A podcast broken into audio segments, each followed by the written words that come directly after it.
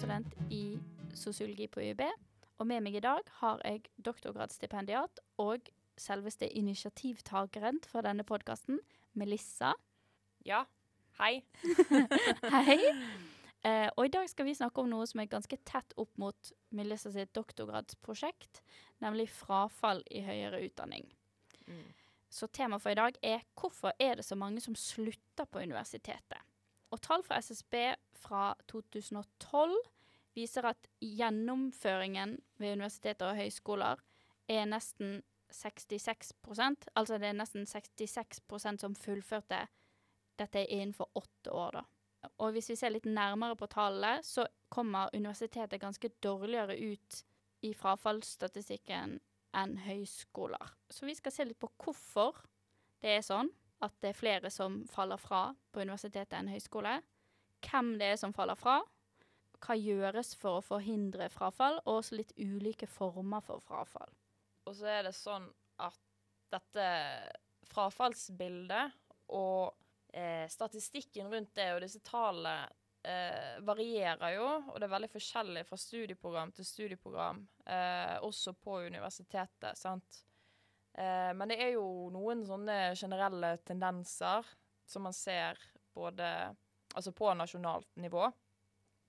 Eh, men, eh, men det, som er, det som er viktig her, da, er det at det er jo Altså, frafallsstatistikk er litt kronglete eh, innenfor høyere utdanning. Og så er det også, Ikke minst så er jo dette her ganske nytt òg å forske på, i hvert fall. Eh, det har fått økt oppmerksomhet de siste, siste årene, da. Og det er jo, er jo bra. Så, men det betyr ikke det at frafallet har økt. Så, så, det er jo ikke grunnen til at det har fått mer, mer oppmerksomhet, da.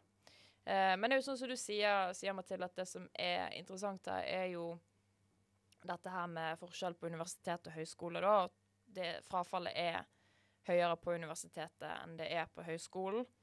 Og generelt sett òg så er det Det som også er interessant der, er at det er flere med lav sosial bakgrunn som eh, bytter over til et høyskolestudium enn omvendt.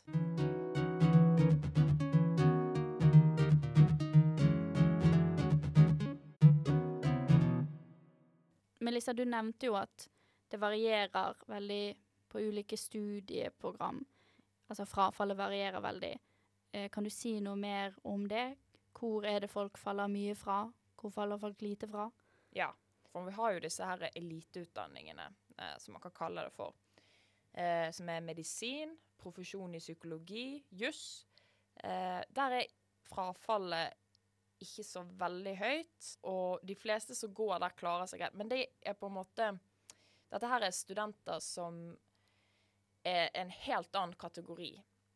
Eh, for hvis vi retter blikket mot generelle utdanninger, som eksempel sosiologi er en sånn type utdanning. Alle utdanningsretninger som ikke er eh, profesjonsrettet, som man kan kalle det, da. Eh, som er Som bare blir kalt generelle utdanninger. Ja, og som eh, kanskje har som kjennetegn, som jeg tenker mange eh, f.eks. i sosiologi kjenner seg igjen i, da, at de går der fordi de eh, har interesse for sosiologifaget, ikke nødvendigvis fordi de vil komme ut som sosiologer. Mm. Ja, man studerer et fag, sant. Og disse, disse generelle studieprogrammene har veldig høyt frafall.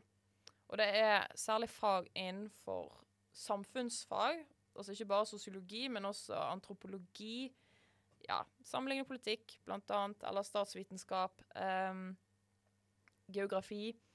Eh, humaniora er det høyt frafall, og sånne realfagsfag, som oppe å si, er det også veldig høyt frafall. Humaniora topper statistikken. Eh, så hvis vi ser på, på tallene, da, så er det altså i humaniora, altså filosofi um, Litteraturvitenskap, ja, historie litteratur, Ja, de type de fagene der, så er det 41% som um, fullfører på noe mer tid. Og noe mer tid vil jo da si, bachelor være ja, tre år. Ja. ja, ja. Og det er litt over 50% som fullfører innen fem år. Altså de som går bachelor i et eller annet innenfor humaniora. sant? Så jeg vil si det at det er ca. halvparten av disse her som faller helt fra. Som ikke fullfører utdanningen sin i det hele tatt. Så det høres jo veldig eh, skrekk, eh, skrekkslagent ut. Og, men så kan jo man spørre ja, men bytter ikke disse her over til et annet studieprogram? Eh, jo, det er det mange gjør. Sant? Så I frafallsstatistikken så skiller man mellom eh, systemfrafall og ins institusjonelt frafall. Og systemfrafall det refererer til når man slutter helt i høyere utdanning. sant? Som er gjerne ofte det man forbinder med frafall. Og institusjonelt frafall det refererer til eh, de som bytter studieprogram. Eh, både liksom internt innenfor institusjonen, men også utenfor. Altså at man bytter fra universitetsstudiet til et høyskolestudie, eller omvendt. Nå er riktignok det første det mest vanlige, da. Men ja, så det er liksom de to eh, frafallstypene der man har, da. Og så viser også tallet her at de fleste bytter studieprogram. Det er faktisk eh, På nasjonalt nivå så er det altså blant de som faller av systemet, så er det omkring 17% Så det er ikke så mange. Så de fleste bytter jo studie, studieprogram, da. Ja, så de fleste som har tenkt til å ta høyere utdanning, ender opp med å, å fullføre det i en eller annen form? Ja. Ja. Det, det kan, man, kan man si, basert på at den sy- systemfrafallsstatistikken er så lav, da. Men igjen så er det vanskelig å på en måte ja, eh, få målt denne frafallsstatistikken, for det går jo over mange år, og det er så mange former og, eller måter å måle denne statistikken på. Så, sånn som det blir målt i dag, så vet jeg at de tar utgangspunkt i studiepoengene som blir produsert da, per individ. Men eh, jeg kan si litt om eh, Sånn som i samfunnsfag, sånn generelt der, så er det Ja, det er ikke så langt fra forskjell på det og i humaniora. Eh, men der er det da ca. litt under 40% som faller, faller fra, da. Og så i humaniora så var jo det da ca. halvparten. Så det er jo egentlig ganske høyt, og som sagt så er det disse her som topper frafallsstatistikken sånn totalt sett av alle studieprogrammene som er i Norge. Altså til sammenligning da, så har jo man f.eks. for eksempel eh, de studieprogrammene som har minst frafall. Det er jo altså sånn som sykepleier har lagt lenge på topp der, da. Eh, og der er det faktisk 80% som fullfører innen fem år. Sant? Så det er jo bare 20% som faller fra. Og i lærerstudiet òg så er det 30, 30 eh, som eh, faller fra. Ja, Vet vi noe om hvorfor det? Ja, altså man vet jo eh, Det meste av forskningen tar jo utgangspunkt i en amerikaner som heter Vincent Tinto. Han er sosiolog og frafallsforsker og har laget en teori om sosial og faglig integrasjon i høyere utdanning, som går ut på dette her med at et individ eh, vil falle fra dersom det ikke er sosialt eller faglig integrert. Da. Så, og det betyr det at eh, For hvis jeg nå Jeg må jo nesten definere disse begrepene her, da.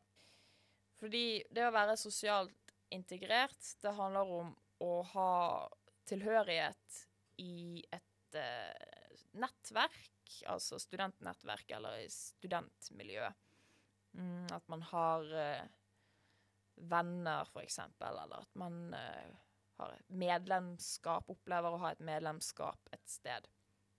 Og så er det det å være faglig integrert handler om at uh, man skal Altså, man opplever en uh, tilhørighet på institusjonelt nivå, hvis jeg kan si det på den måten, da.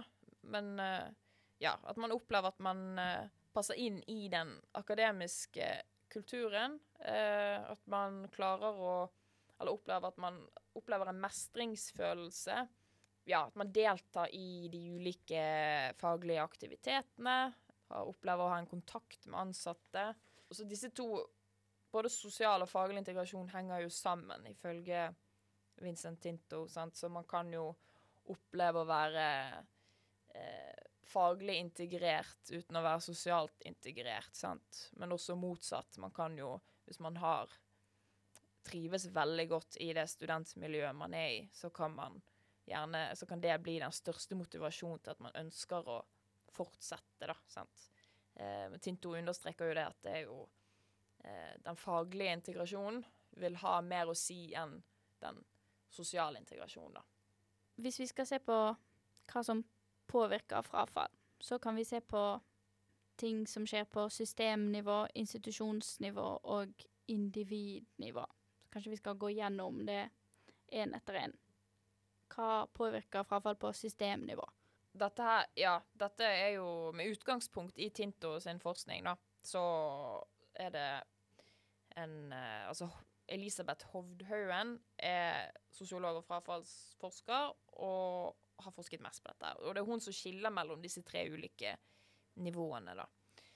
Og med systemnivå så menes det at uh, det er lett å slutte i utdanningen. Altså systemet er tilrettelagt for at det er eh, fleksibelt å skifte eller slutte, eller hva det enn måtte være. Eh, man får også støtte fra Lånekassen, sant, som med å styrke den fleksibiliteten, da, egentlig. Mm. Og så på institusjonsnivå så handler det Da er det trekk ved eh, institusjonen som eh, er med å påvirke frafallet, da. Som man f.eks. ser på hvis man skal sammenligne høyskoler og universitetsutdanninger, da. Sant? Altså det er forskjell på profesjonsutdanninger og de generelle utdanningene, sant. Mm. Ja, og forskjell på eh, forelesninger som undervisningsform, som Ja, det er mye av på universitetet, og klasseromsundervisning og Mm. praksis som det er mer av på høyskolenivå. Og så blir det Og så er individnivå er det siste, og da ser man på eh, kjønn. Sant? Altså statistikken viser det at jenter eh, gjør det bedre enn eh, gutter, som å si. Altså det er gutter som faller oftere fra enn jenter, da. Og alder har en betydning. Hvis man er veldig mye eldre enn majoritetsstudentene, så har man større sannsynlighet for å falle fra. Sosial bakgrunn har også en veldig viktig betydning, som ble påpekt eh, tidligere. For der ser man det at kommer man fra en ressurssvak familie eller en, En familie med få som har høyere utdanning sjøl, kanskje. Ja, ja, man kan heller si det sånn. Uh, så er sannsynligheten høyere for at man faller fra, da. Altså de Den gruppen studenter faller oftere fra enn de som kommer fra familier med høy kulturell kapital, sant. Og så har eh, karakterer fra videregående betydning. Har du høye karakterer fra videregående, så er det større sannsynlighet for at du klarer å gjennomføre studiene i senere tid. Uh, og det her henger jo også sammen med sosial bakgrunn. For det har jo også forskning vist at de som får gode karakterer, kommer fra ressurssterke familier. sant? Dette kan jo kobles til uh, dette med sosial og faglig integrasjon, sant. Uh, for det handler om forholdet mellom individet og institusjon. For alle individer har jo hver sin bakgrunn og hver sin motivasjon når de begynner å studere. Sant? Og når de da kommer på studiet, eller starter studiehverdagen sin, eh, så har alle en helt Altså alle har med seg en spesiell type bagasje i det møtet, sant. Og eh, hvis man da opplever at man ikke passer inn på en eller annen måte, altså om det så er akademiske, faglige, eh, det sosiale, så har man større sannsynlighet for å falle fra, da, ifølge den, eh, i den teorien. Eh, så dette, her- og det her er jo litt det som jeg skal forske på da, i mitt eh, doktorgradsprosjekt. Jeg skal jo ikke forske på frafall, men jeg skal jo forske på gjennomføring, som man si, sant? blant eh, lærerstudenter, og skal sammenligne høyskole- og eh, universitetsstudenter. Og da skal jeg se på hvordan de opplever å bli eh, sosialt og faglig integrert i studieløpet sitt. Vi har jo alle disse her eh, forklaringene på ulike nivåer, sant, som er på en måte med å forenkle eh, det bildet man har av frafall i høyere utdanning. Um, men så kan man også se på hva, hva er det student, eller de frafalte studentene oppgir sjøl som årsak. Og da oppgir de det topp én, som må på å si, er det at de ønsker, ønsker å bytte studieprogram. sant? Um, og at de vil studere noe annet. Og så oppgir de også det at, at de ønsker bedre undervisning, da. Og at de ønsker bedre oppfølging og studieveiledning. Men så har man også disse her som eh, De som blir eh, Håper å si eh, pulled out av systemet. Sant? Altså det er forhold Det er forhold utenfor lærestedet med å trekke de ut, da. Eh, dette er det mye mindre, mindre forskning eh, på. Eh, men for eksempel sånn som eh, De har jo prøvd å se litt på betydningen av deltidsjobb, det å jobbe ved siden av studiene, som veldig mange studenter gjør. sant? Så har de funnet det at de som jobber mer enn 20 timer i uken, har høyere sannsynlighet for å falle fra. da. Eh, men også private årsaker knyttet til familie eh, osv. Er, er viktig. Eh, ja. Men også så, også så, er det også forskning som viser det at eh, hvis man ikke opplever denne her uh, tilhørigheten, altså en sosial tilhørighet i et uh, nettverk eller å ha medlemskap i et fellesskap, sant, så er det også med å påvirke en grunn til at man faller fra. Ja. ja, og dette med tettere oppfølging kan en jo kanskje trekke inn i dette med hvorfor det er sånn at universitetet blør så mange studenter til høyskolen, nettopp fordi at høyskolen eh, er mer preget av klasseromsundervisning, altså at man er tettere til eh, lærere eh, enn det man på en måte har på universitetet, der det er mye mer forelesningsbasert undervisning. Eh, og det som, det som, er viktig her, eh, som er liksom de sentrale forskjellene mellom høyskole og universitet. Altså Nå er det riktignok veldig mange høyskoler som har blitt universiteter, som har fått universitetsstatus, men det er jo fortsatt noen høyskoler igjen, altså HVL. Eh, men de òg skal jo eh, snart få universitetsstatus. Eh. Ja. ja. grensen mellom hva en høyskole er og hva et universitet er, var kanskje litt mer blurry ja. nå enn det det var før. Ja, men det er jo fortsatt uh, Vi har jo fortsatt disse her sentrale historiske forskjellene, sant. Universitetet, altså de gamle universitetene, nå tenker jeg på UiB og UiO, UiT blant annet, um, har en uh, ganske sterk Altså, den kulturen er godt forankret i en akademisk tradisjon, sant, som vektlegger autonomi og selvstendighet. Og dette preger fortsatt læringsmiljøet på universitetene i dag. sant? Forelesninger, det har vært sånn i mange tiår, sant, den undervisningsstilen der. Og det er jo ikke snakk om å endre det. For veldig mange, i hvert fall. sant? Universitetet har en undervisningstradisjon som er Den er ganske sterk. Eh, og på høyskolen så er ikke den akademiske tradisjonen like sterk, sant. Fordi høyskolen har en helt annen historie. Eh, og de, de utdanner altså, yrkesfolk, sant, som på å si. Altså det er yrkesutdanninger, mm. eller profesjonsrettede utdanninger. Ja, så det, det preger struktur, undervisningsstrukturen på en helt annen måte. Sant? Altså, de har jo mer oppfølging Altså i hvert fall i forbindelse med praksis, for de er jo disse ut, profesjonsutdanningene som dominerer høyskolen, der er det tilrettelagt for praksis i alle utdanningene, sant. Og i flere av utdanningene så er det gjerne i praksis hvert år. Og, og der er det veiledning og oppfølging som eh, hører med, sant. Og det er klart det at det er det ikke i like stor grad på, på universitetet.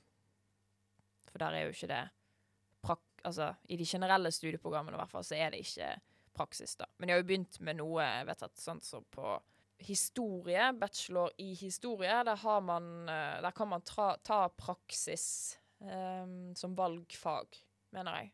Og jeg tror de har det på Sampol òg. Så det har begynt å, det praksisgreiene har begynt å liksom komme mer og mer inn eh, på universitetet, da.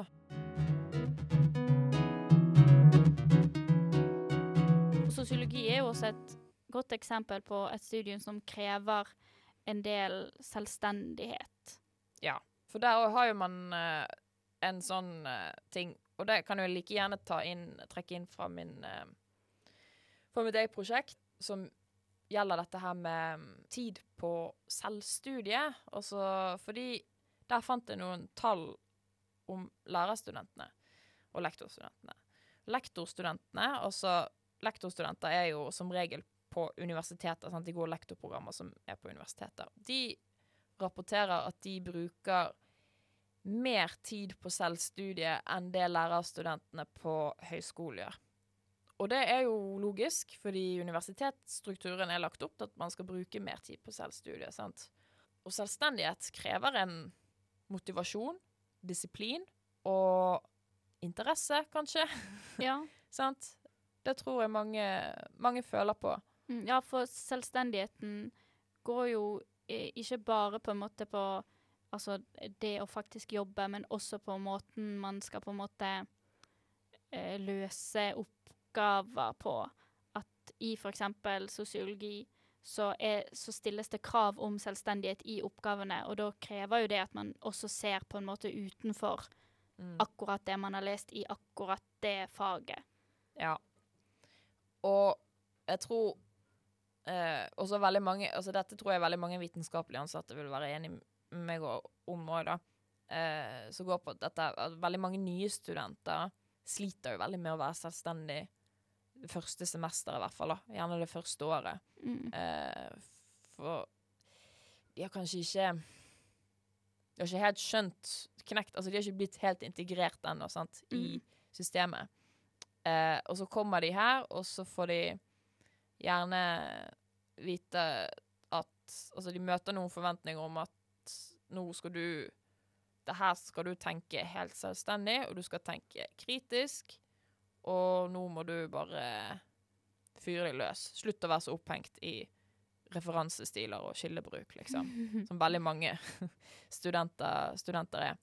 Men det er jo gjerne kanskje det sånn Man er vant til å forholde seg til noe Altså, man får oppgavene servert på sølvfat på videregående, sant? Og det gjør man ikke på samme måte når man begynner på universitetet. Man må finne ut av tingene sjøl. Og det òg kan jo også henge sammen med sosial bakgrunn. Tallmessig så kan jo det tyde på det òg. Altså I og med at det er så mange som eh, Altså blant de, de som kommer fra ressurssvakere familier som faller fra. Sant? At de ikke helt mestrer det, det som forventes av de som student. Men igjen, det er mange årsaker, men jeg tror det kan være med å spille inn, da.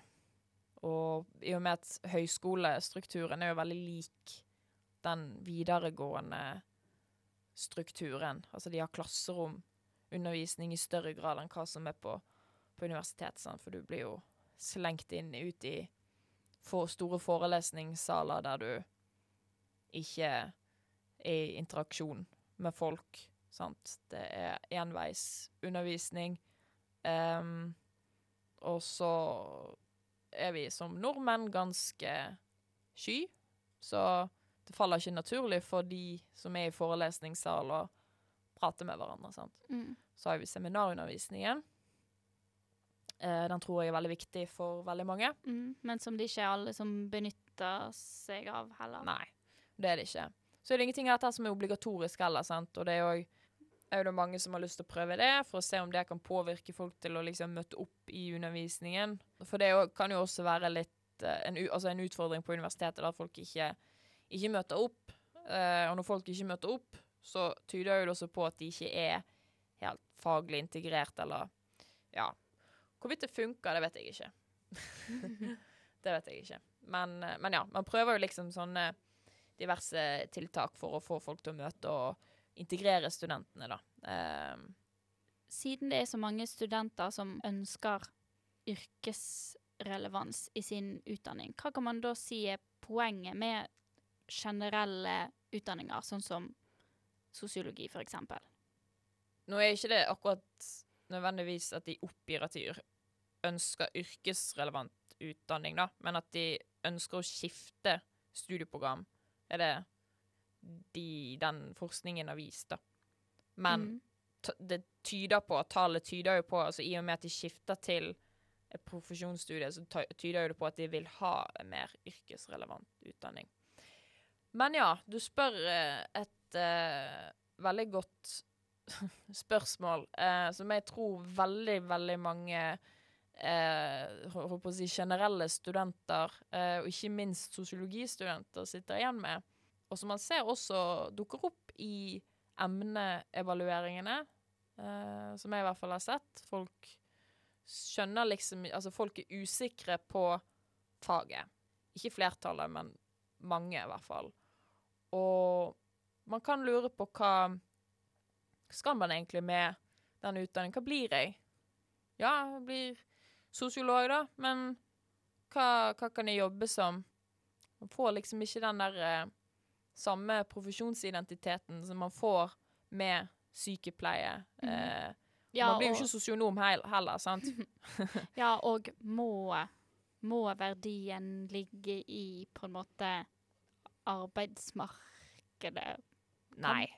Sant? Og som barn av universitetet, så vil jo jeg selvfølgelig si nei, nei til det. Og, og det, nå, nå må vi litt tilbake på den historiske bakgrunnen til universitetet, da, som handler om eh, oppdragelse og dannelse av eh, eh, medborgere, sant. Altså vi skal det, det er en verdi i seg sjøl, dette her, og på en måte Altså det å skape utdannelse blant folket, og kritisk tenkning er jo et veldig godt eksempel på, på dette. Og det å bli klok, det å forstå samfunnet, er veldig viktig for å kunne liksom For å kunne fungere som et samfunnsmedlem. Selvfølgelig ikke den en eh, forutsetning, men det, det er veldig, veldig viktig. Og, ja. og spesielt dette med kritisk, uh, kritisk tenkning, da. Det lærer man, og spesielt i sosiologi, som man er nødt til å sette pris på. Og nå har, har jo jeg min utdannelse fra Sosiologisk institutt på UiB. um, så er jo det sikkert sånn på UiO og andre steder òg. Men i hvert fall, man er jo man, Altså, man blir eh, ja, veldig godt opplært innenfor kritisk tenkning, som du sjøl òg vet, eh, Mathilde. Ja.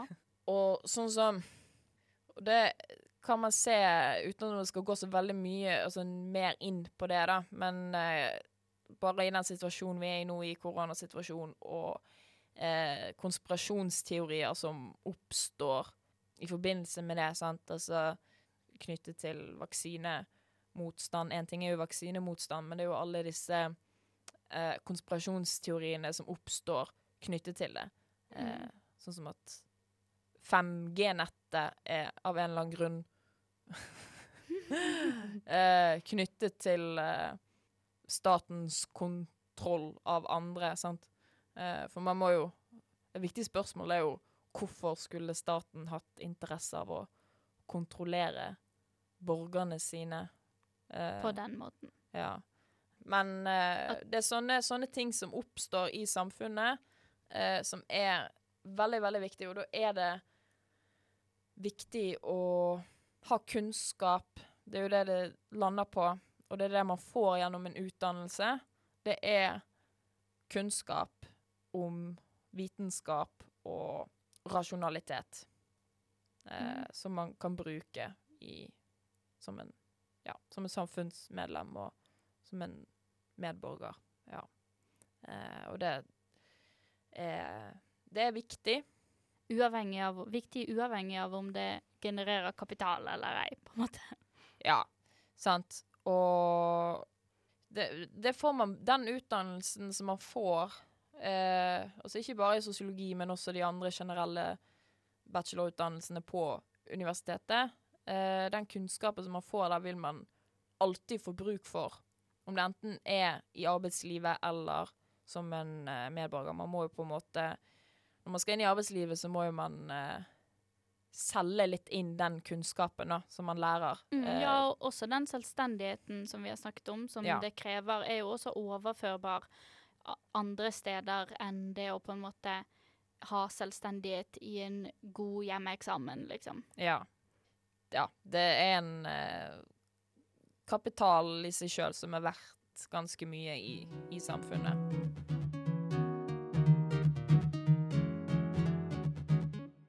Hvis vi skal si noe litt sånn avslutningsvis om frafall. Frafall er jo kanskje et litt negativt ladet ord, men er frafall bare negativt? Nei. Det, det er jo det ikke. Og det her er jo også sånn diskutert, sant, fordi det kommer, sånn, kommer sånne skrekkoppslag i Krono, for eksempel, der det er sånn eh, Seks av ti universitetsstudenter faller fra, sant? Og så blir det systemkritikk med en gang. Uh, men ja, det, disse frafallstallene er jo veldig kompliserte, og så er det veldig viktig å Ja, hvis du retter blikket igjen mot eh, frafall på systemnivå, sant, denne fleksibiliteten, det er veldig positivt for individet at det medfølger få konsekvenser eh, når man skal bytte studieprogram. Eh, det er veldig fint at man faktisk kan studere noe, altså ta en utdannelse, mens man eksempel tenker på hva man har lyst til å bli, sant? Det er helt fint, det er helt greit å ombestemme seg. Mm. Um, Ja, og da er det jo fint at den eh, På en måte den, Alle disse dørene er eh, mer åpne i Norge enn det er i andre land, f.eks. Da med at vi har eh, gratis utdanning. Em, man får jo en viss det er jo, Man har jo et visst økonomisk insentiv i det å fullføre grad. Da får man litt mer penger fra Lånekassen. Eh, og universitetene har jo også økonomisk insentiv til å beholde studenter. Men jeg tenker jo, apropos systemkritikk, at eh, det er jo en, på en måte en sterk verdi at utdanning skal være tilgjengelig for alle. Og da er det jo kritikkverdig at vi kan se at det er de som har foreldre som ikke har høyere utdanning, som faller fra. Så kan jo det tyde på at det ikke er så lett tilgjengelig for noen. Ja. Ja, fordi det er en gruppe som klarer det dårligere enn andre. Eh, det er jo veldig dumt, men der har jo vi den, eh, den kritiske sosiologien som kan sette lys på, Ja. på akkurat det. Sant? At, eh, så da kan jo man se på det sånn at Stille spørsmål til, til det at uh, OK, disse studentene som begynner på universitetet, og som ikke nødvendigvis kommer fra en familie med høy kulturell kapital. Og man, statistikken viser det at de oftere skifter over til et høyskolestudium enn omvendt, sant? Så tyder jo det på det at de ikke klarer seg på universitetet. Det er et eller annet med systemet som gjør at de blir presset ut, da, Mm. kan man si.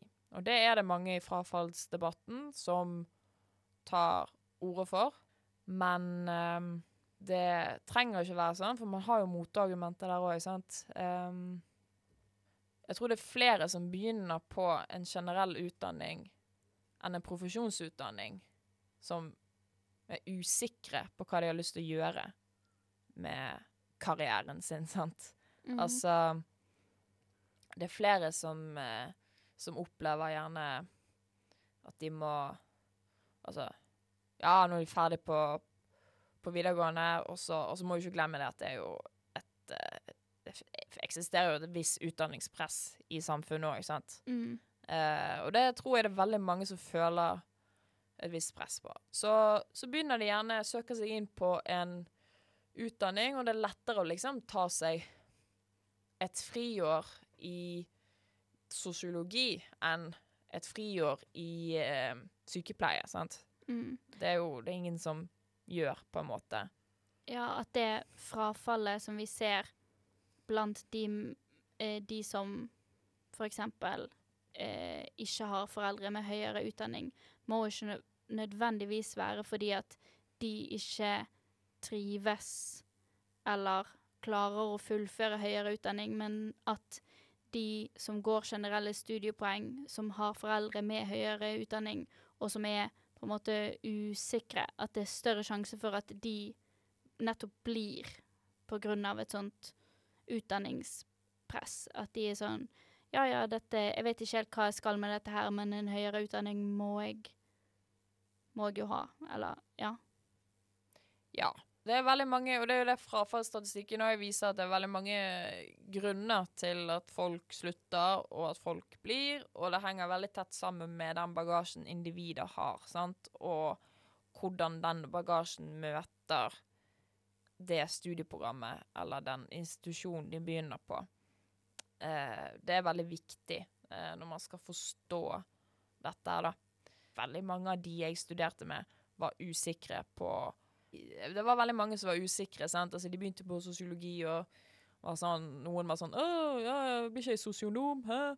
Uh, så var det andre som var sånn 'Å, jeg vet ikke hva jeg vil', sant. Men dette virket interessant. Ja, så var det interessant. sant? Ja, da var det noen i vår vennegjeng som ble, fordi at vi var en god gjeng. sant? Sterk sosial tilhørighet, Mm. for å si det sånn. Da vi fant liksom Det var en gjeng, gjeng som eh, dro hverandre opp og gjennom det. Sant? For vi var gjerne noen veldig motiverte, noen mindre motiverte, og så noen sånn halvveis. Sant? Sånn som meg for min del hadde jo en sånn tydelig plan om at jeg skulle bli lærer. Det var derfor jeg begynte på sosiologi. Jeg skulle bli lektor. Sant? Skulle ta PPU etter mm. masteren. Så, så jeg var jo kanskje den eneste i faddergruppen som var sånn Ja, jeg skal gå master, og var tydelig på det. Men Jeg har det- en plan. Ja, jeg har en plan. Mm. Så, så det er ikke uvanlig. Og det er ikke bare sånn på sosiologi heller. Det er nok sånn veldig mange andre studieretninger. Og da tror jeg det er mange som like gjerne kan bli, men de kan også skifte studieprogram, sant? fordi de kanskje finner ut det at jeg vil bli noe mer yrkesrelevant, eh, Mm, ja, kan man all denne teorien blir liksom ikke virkelighetsnær nok, kanskje, for mange. Mm. Det er sikkert veldig mange studenter akkurat nå som akkurat har begynt på sosiologi, og som kanskje er veldig usikker Altså kjenner seg kanskje igjen i veldig mye av det som vi har snakket om, da. Som er usikker på om dette her er utdannelsen for de. Mm. Så, og jeg tror Og så er det like Altså er jo det noe man Altså, man kan jo gjøre jeg håper å si noe sjøl òg for å komme inn i et miljø eller å styrke trivsel. Og så er det jo klart det at koronaperioden har hatt uh, mye å si for, stu for studenthverdagen. Digital undervisning gjør nok verken sosial eller faglig integrasjon noe tjeneste. Ja, det er klart det at det, det har noe, noe å si. sant? Menneske har et behov for å koble seg på et fellesskap, og det er litt sånn blandet om frafallstallet nå i 2020. Eh, korona, for det er noen tall som viser det at det er økt, og så er det noen tall som har vist at det har sunket. Men jeg tror det er litt tidlig Det har ikke vært nok forskning om det ennå, da. Men eh, jeg tenker du, Mathilde, som er student sjøl, nå er jo du snart eh, ferdig. Hvilke tips har du? Det er veldig stor forskjell på bachelor og master. Så hvis du, har på en måte, hvis du sitter og er nesten ferdig med bacheloren din, og tenker her har jeg ikke så stor tilknytning, men jeg liker sosiologi veldig godt, men jeg føler liksom at jeg ikke At jeg står litt alene om det, så kan jeg si at det er helt annerledes på master. Da er man en mye mindre gruppe, og man er både mye tettere til hverandre, men også eh, til de ansatte. Så den, både den sosiale og den faglige integrasjonen er mye sterkere. Og så har jeg jo sjøl opplevd at det, altså sånn, ja, det er selvfølgelig en verdi å være eh, Å ha et nettverk av sosiologistudenter som er på en måte eh, Ja, som man ikke kan på en måte erstatte med noe annet. Men det å være med i en studentorganisasjon kan ha mye å si, selv om det egentlig ikke har så mye med studiet ditt. Det Mm. blir jo på en måte trivsel generelt. Og da koser du deg med livet som student, som gjør at selve studentlivet blir, går lettere. Ja. Og blir noe, på, en, noe du har lyst til å beholde. Ja. Det er veldig viktig å finne, finne, finne noe Noen å henge med, eller noe å kunne koble seg på. Enten om det er liksom politisk, eller om det er noe sånn Idrett. medierelatert. Poenget er at det er i hvert fall veldig mange ting man kan gjøre. Men også bare bli med i fagutvalg. Det er jo en uh, veldig kort vei, egentlig. Å koble seg på fagutvalget i sosiologi. Og der er det både sosiale og faglige ting man kan gjøre. Det blir litt reklame for det òg, men det tenker jeg er bra. Eh, hvis ikke, så er det helt OK å bytte studieprogram eller å avslutte. Frafall er på en måte ikke negativt i seg sjøl. Nei. Det får veldig mye negativ oppmerksomhet, men eh, det trenger ikke, ikke være det. Jeg tenker vi avslutter med det. Da sier vi ha det. Ja.